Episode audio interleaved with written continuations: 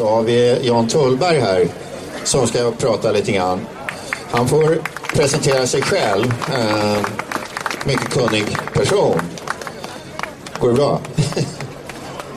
Okej, okay. eh, en liten applåd här då för Jan Tullberg.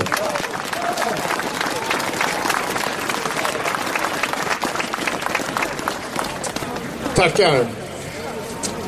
Eh, jag tänkte ta och eh, knyta an här lite mer till själva avtalet så att vi säger någonting mer om det. Eh, nu när den politiska eliten håller på och ägnar sig åt någon sorts eh, sällskapsspel eller kanske är det tv-program. Jag undrar om det inte är Stjärnorna på slottet de håller på med. Men eh, när de inte jobbar så jobbar i alla fall den djupa staten. Och eh, regeringskansliet då har ju gjort en skarpsinnig analys av det här avtalet, ramverket som de kallar det. Och eh, då tillstyrker det här på olika sätt. De gör ju då flera bedömningar som är minst sagt kontroversiella och till och med lite bisarra. En har varit uppe till eh, omnämnande redan tidigare men förtjänar att omnämnas en gång till och det är det här påståendet att eh, det här avtalet är inte juridiskt bindande. Och det är en ren, eh, rent struntprat. Den är ju bindande på alla möjliga sätt, inte minst som någon sorts riktmärke, någon sorts överenskommelse som man ska anpassa sig till. Och sen går det alltid till på samma sätt att man börjar med någon FN-deklaration. Men den blir inte lag i något land innan man tar in det i sitt eget lagstiftande system. Den, den måste liksom importeras in. Då blir det verklighet. Och syftet med det här ramverket är ju att det ska bli ett, ett, eh, regler som ska tillämpas och tillämpas rätt hårt. Men det är inte steg ett utan det är steg två. Den andra lite märkliga kommentaren de gör det är den de säger så här Sverige välkomnar den här balanserade sluttexten. Men eh, det finns ingenting som är balans eh, i den här skrivelsen. Utan det är 23 delmål med kanske då eh, en 10 olika punkter på varje delmål. Eh, allting är ganska sörjigt. Det är alltså...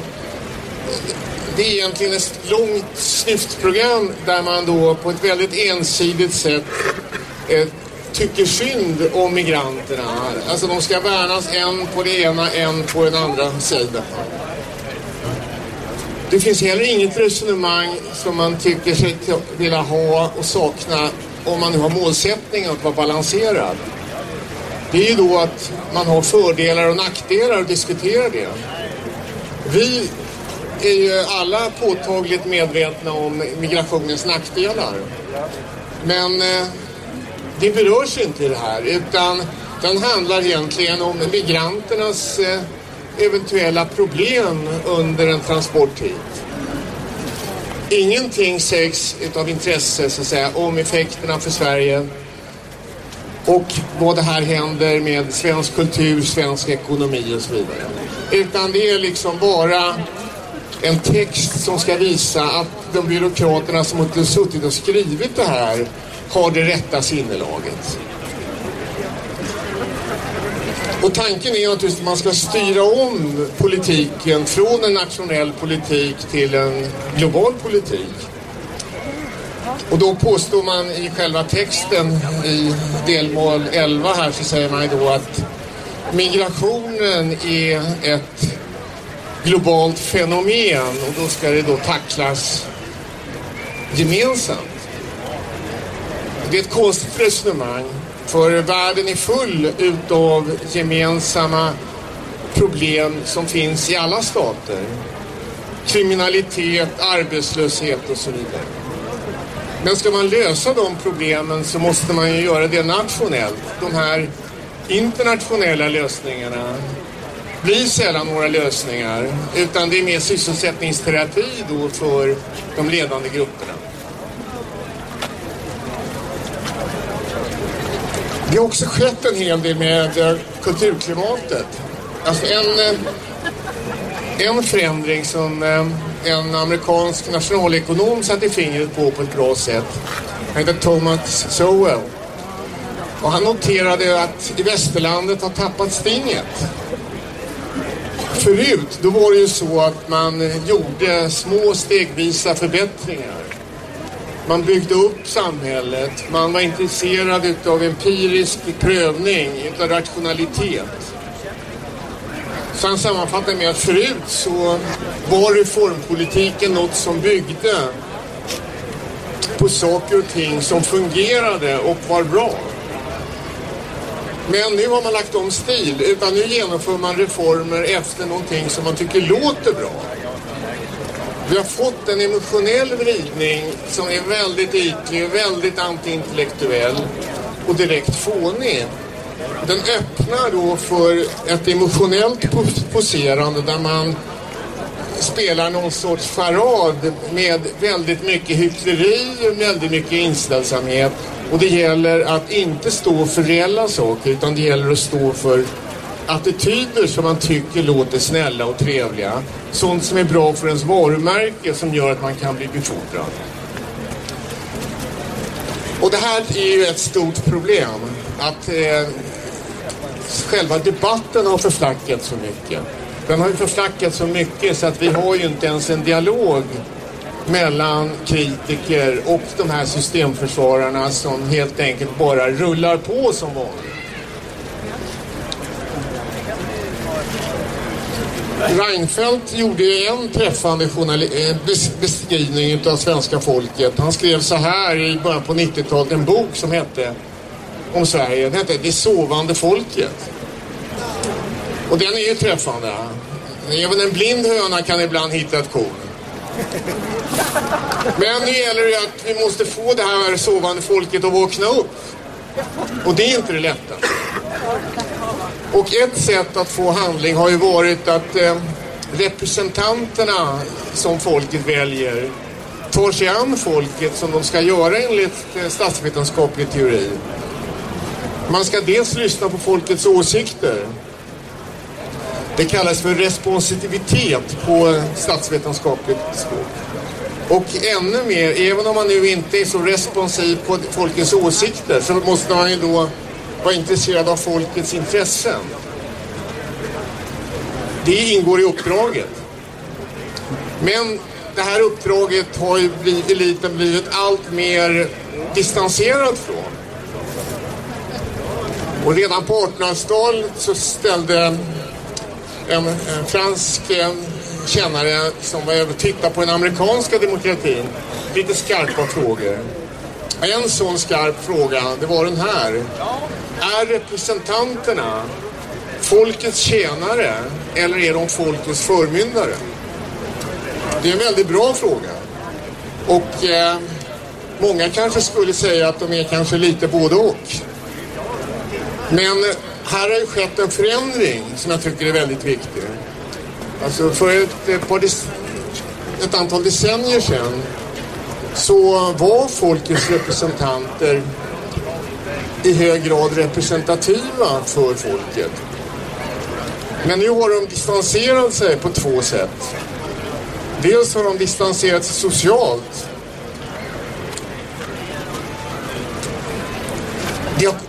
En bok som gavs ut för ett tiotal år sedan hette Den politiska adeln. Och den tog fasta på det här att eh, vi har fått liksom ett nytt socialt eh, skikt i Sverige. Som ofta består av personer som är politiker, kanske i andra, tredje generationen. Som är gifta med varandra, de har lite olika namn. Och den här då politiska adeln har blivit liksom en, en lite ny aristokrati som tycker att de har kontroll masspartierna som fanns förut var en kanal då, socialdemokratin och Centern men också andra partier. Mm. Men nu är ju då medlemstalen väldigt låga. Det är 2 procent av svenska folket som är med i något av partierna. Det är inga partier som har folklig förankring. Och det här ställer ju till problem. Eh, vi har inte längre masspartier utan vi har kaderpartier utan människor som vill ha försörjning utav politiska system. Så att det här är ju en radikal förändring utav samhället. Den andra stora förändringen det är ju den här fusionen som har skett. Förut så hade ju vänstern och högern lite uppgörelse med varandra. Men nu så har de fusionerat. Och i stort sett så ser det ut så att vänstern har accepterat högerns ekonomiska syn. Socialismen är ju heldöd. Men på kulturfronten så har ju då de gamla marxisterna blivit kulturradikaler. Och de har lyckats väldigt väl med sin identitetspolitik. Och i kulturkriget så har vänstern segrat och högern kapitulerat. Och det här gör att eliten är ganska enig, men de är eniga om sina egna intressen. Och de är väldigt oeniga när det gäller så att, säga, att representera folket. Vi har fått den här skillnaden mellan så att säga, representanter och folk har accentuerats hela tiden. Så att eh, de har blivit mindre och mindre tjänare och mer och mer förmyndare. Och det här är ju problem. Och eh, de har ju till och med blivit så att de är inte så intellektuellt och politiskt intresserade heller i den här. Utan det är mer den egna platsen med köttgrytorna som är central. Och det gör ju då att man gärna förlitar sig på instruktioner då från de här nya förmyndarmyndigheterna. EU och FN som berättar för dem vad de ska tycka och göra. Och det här systemet har ju förstärkts hela tiden. En ytterligare fråga som varit uppe här, det har ju varit hotet mot yttrandefriheten. Och den är ju redan hårt ansett eh, i Sverige. Här är det ju framförallt då lagen hets mot folkgrupp som tänjs eh, hur mycket som helst. Eh, det behöver ju inte vara hets och det behöver inte vara folkgrupp för att det ska kunna förbjudas. Men den här eh, ramverket är ytterligare några skrivelser som stöttar upp inskränkningar i yttrandefriheten. Och det finns många skarpa, otrevliga skrivelser i det här ramverket. Det finns skrivelser som att man säger då att man ska eliminera då oönskade åsikter. Det finns också idéer om att man ska se till att spelplanen för media blir så skev som möjligt.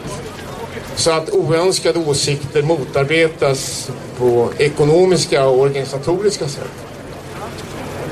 Så att allting som kommer här är ju en rad olika försämringar. Och allt det här är naturligtvis då en del i så att säga, en, en globalisering som eliten känner sig väldigt hemtam i. Och som naturligtvis är dödsstöten för svensk demokrati. Tidigare så har den svenska modellen varit som i hela Västeuropa att eh,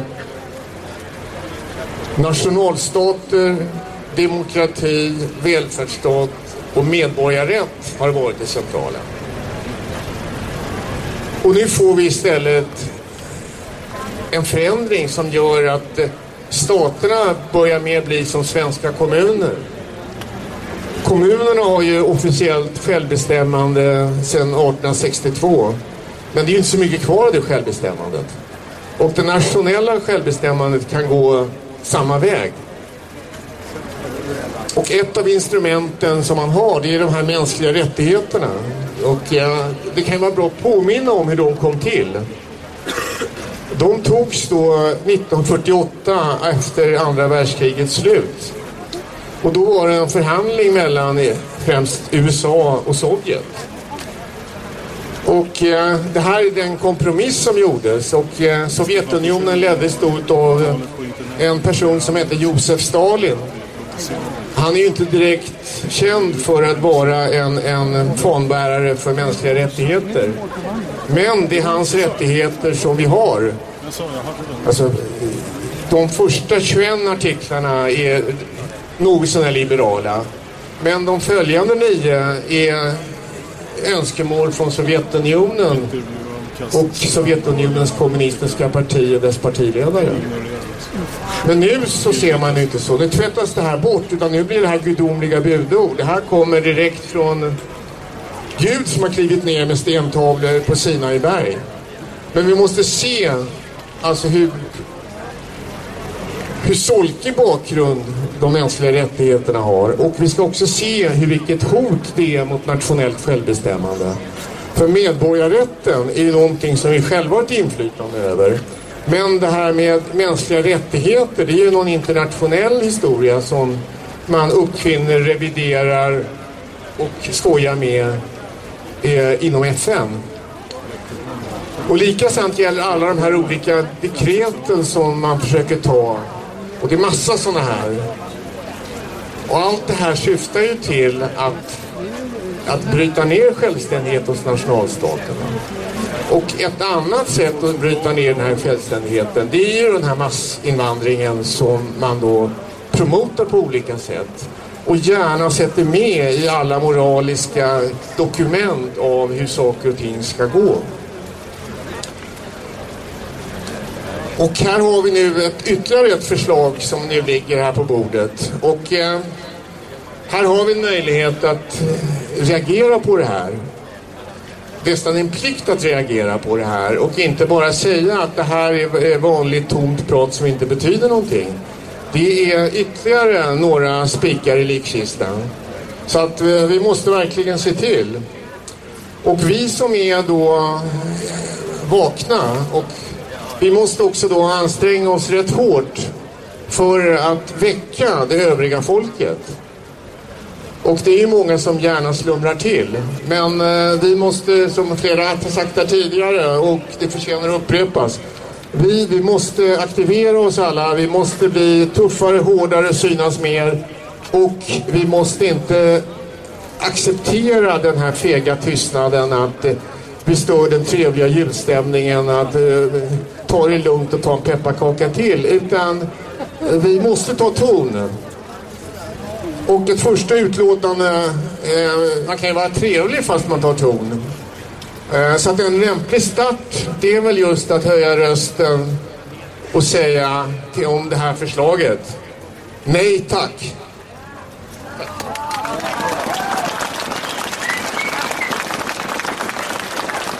Tusen tack Jan Kullberg, en varm applåd.